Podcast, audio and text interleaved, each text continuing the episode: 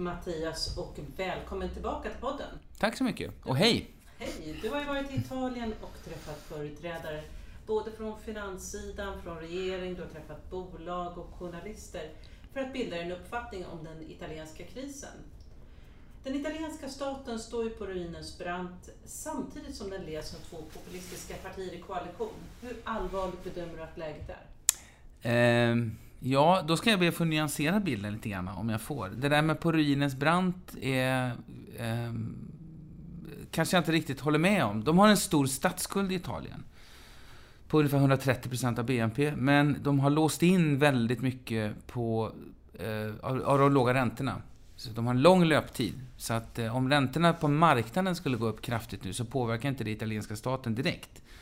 Det påverkar ju allt eftersom man lägger om lånen.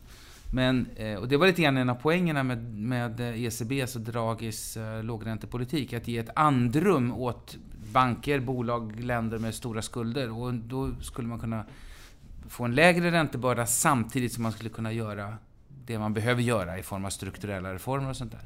Och det är väl frågan på det sistnämnda om Italien har gjort det, men det kan vi ju komma tillbaks till. Men på ruinens brant, Italien är ett ganska rikt land egentligen. Hushållen har, nettoförmögenheten i hushållen är större än i tyska hushåll, vilket man inte tror. Eh, utan det är just den här staten, eh, skulden i, i, den, i, i den offentliga sektorn och sen är det ett väldigt skört banksystem.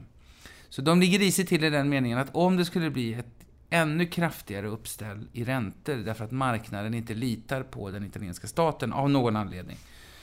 Då skulle det snabbt kunna bli ett, en, en recession.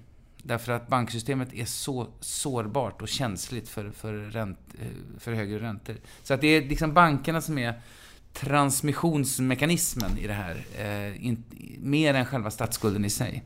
För det verkar ju som att även om de här populistiska partierna just nu leder landet så ja. är ju politisk kaos något av ett Jo, men det är det. Ja, det är det. Absolut. Men det som, det som, för att gå tillbaka till din första fråga, det som gör läget kritiskt då, så här, det är att så här är det ju alltid, som du sa. Och statsskulden har ju varit jättestor jättelänge. Tillväxten har varit jättelåg jättelänge. Men nu har vi, som, som du var inne på, en ny regering, eller en ganska ny regering sen i mars, av två populistpartier, en från höger och en från vänster. Och de har ett par väldigt speciella kännetecken. En är att de är ju då väldigt skeptiska till EU och till euron. Och innan de då fick kamma till sig lite grann för att de hamnade i regeringsställning så har ju ledande representanter för de här eh, till exempel uttryckt önskemål om att man skulle ha en omröstning om att lämna euron. Det har skrivits Eh, till och med pamfletter om att man ska lämna euron, till och med manualer om hur det skulle gå till om Italien skulle lämna euron. Eh, och skulle marknaden få för sig att Italien på allvar ska lämna euron, då, då har vi en mindre katastrof, tror jag, framför oss. Så det är den ena, den ena grejen. Den andra grejen är då att de gick in i den här valrörelsen i våras med löften, väldigt yviga löften. Och det säger sig självt att ett land som har lovat att hålla en väldigt stram finanspolitik och som har lovat att hålla budgetunderskotten allt mindre för att kunna stabilisera statsskulden. Om det landet plötsligt bestämmer sig för att ha eh, budgetunderskott på 6-7 procent, då händer det grejer. Och, det var, och, när folk summerade deras löften så blev det, det motsvarande ungefär 6-7 procent av BNP. Och kom ihåg då att EUs yttersta gräns för det där är ju 3 i, i det här Maastricht-kriteriet.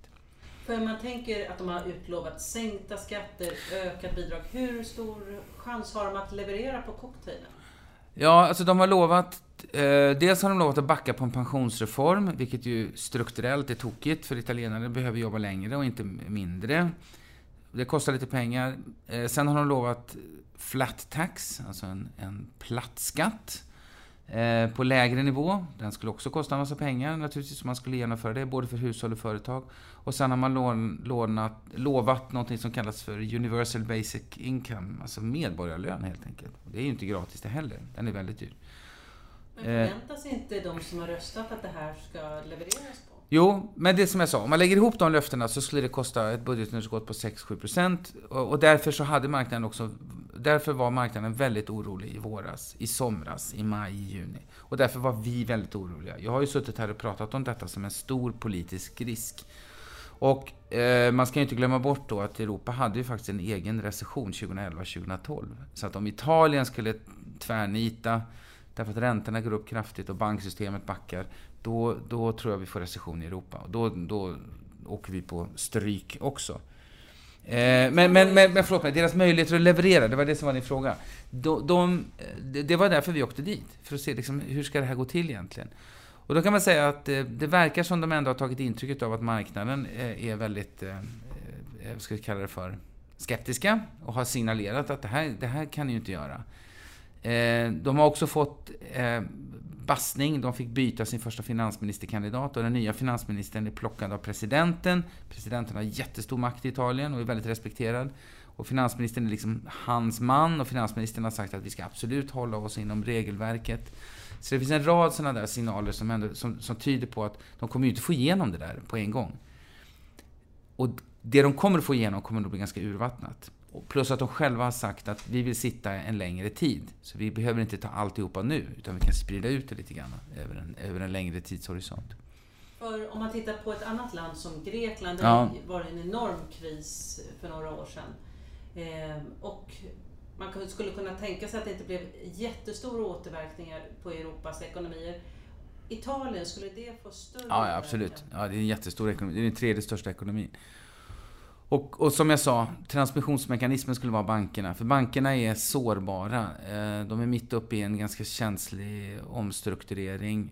Eh, till exempel utav, de har ett stort sånt kooperativt sparbankssystem. De har flera hundra banker som försöker fusionera ihop sig. Och så har de några stora banker som är halvvägs genom sin process. Det, och det som tynger det italienska banksystemet är då ett, ett berg av eh, det som kallas för non-performing loans. Alltså ett berg av gamla lån som inte ger någon ränta eller någon avkastning.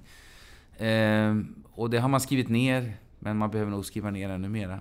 Och det man är rädd för här, som jag sa, det är att om räntorna skulle gå upp så blir bankerna livrädda. De åker på förluster, non-performing loans börjar växa igen. Eh, de har stramat åt kreditgivningen. Och då har vi ganska snabbt en recession. Och som jag sa, har vi en recession i Italien, då tror jag vi har en recession i Europa. Och hur skulle det påverka svensk ekonomi till exempel? Alltså det är ju, Europa är ju lite ibland beroende på hur man räknar 60, 70, 75 procent av vår export. Så det är ju överlägset största handelspartner. Så att om efterfrågan viker kraftigt där så skulle det påverka oss, absolut. Och du sa begränsade effekter av Grekland. Eh, Ja, alltså som jag sa, vi hade en recession i Europa 2011-2012. En egen recession. Normalt sett tittar vi ju alltid till USA för att få liksom ledtråd kring konjunkturcykel och så. Men 2011-2012, tack vare krisen i Grekland och i bankerna, så det, det, var inte bara Grekland, men så hade vi ju en egen recession, en egen snickrad recession i Europa 2011-2012. Och det är väl egentligen det som vi varit rädda för, att vi skulle få i Italien. Och vilka strukturförändringar och reformer behövs för att komma till rätta med det här underskottet? Ja, jag har varit i Italien några år nu och det är ungefär samma snack och samma lista eh, som man har hela tiden. Eh, Banksystemet är en grej, det, men det går i rätt riktning. Så de stora bankerna, som Intesa och Unicredit, de har gjort ganska mycket och är nog ganska bra nu. Funkar ganska bra. Och förändringarna av de små bankerna, det rullar då på. Även om det kanske går lite långsammare än vad man hade hoppats. Men sen är listan jättelång. Jag frågade faktiskt chefsekonomen på Finansdepartementet, som var en gammal eh, eh, ja, bankekonom, om, liksom, om han var Gud. Vad skulle han göra?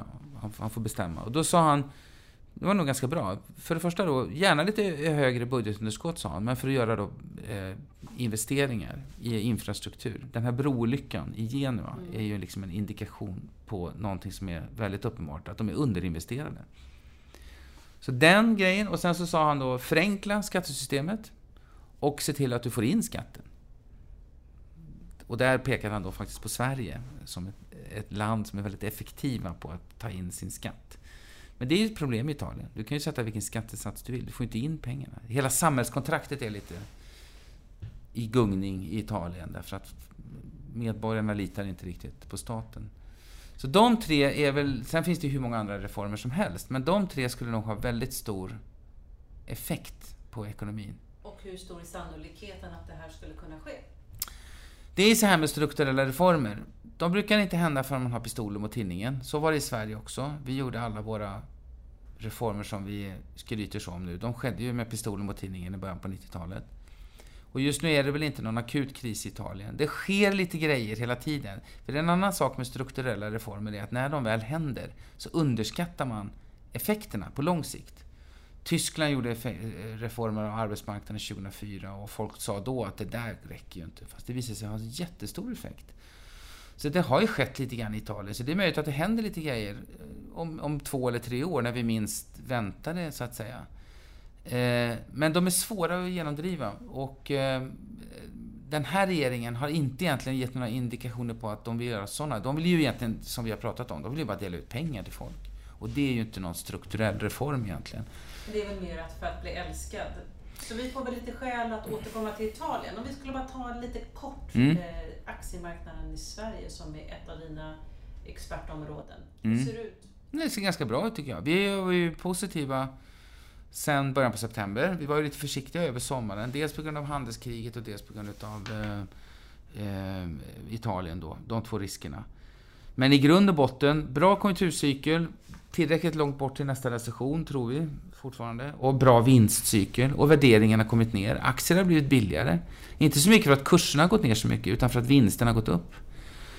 Så vi har ganska bra vinsttillväxt. Så jag tycker som jag sa, och nu tycker jag faktiskt att vi har börjat få lite stöd för det, att man ska titta på verkstad, de vanliga klassiska svenska verkstadsbolagen. För att de eh, in, ser relativt billiga ut och har bra vinstmomentum. Och så har vi ju kronan ovanpå det. Som har, nu stärks kronan, men tidigare här i år så har ju kronan varit jättesvag. Så det kommer ju ge lite skjuts på vinstestimaten också. Så totalt sett så ser det ganska okej okay ut. Jag tycker cykliskt är det mest intressanta fortfarande. Jag är lite ljummen till bank. Och jag är eh, ganska skeptisk till det här lite mer defensiva sektorer som operatörer och läkemedel och sånt. Men inför Q3-rapporten så kommer du tillbaka och då får vi möjlighet ja. att prata lite mer. får vi titta på hur den ser ut, ja, i mm. detalj. Tack så mycket. Tack så mycket. Hej. Tack, hej.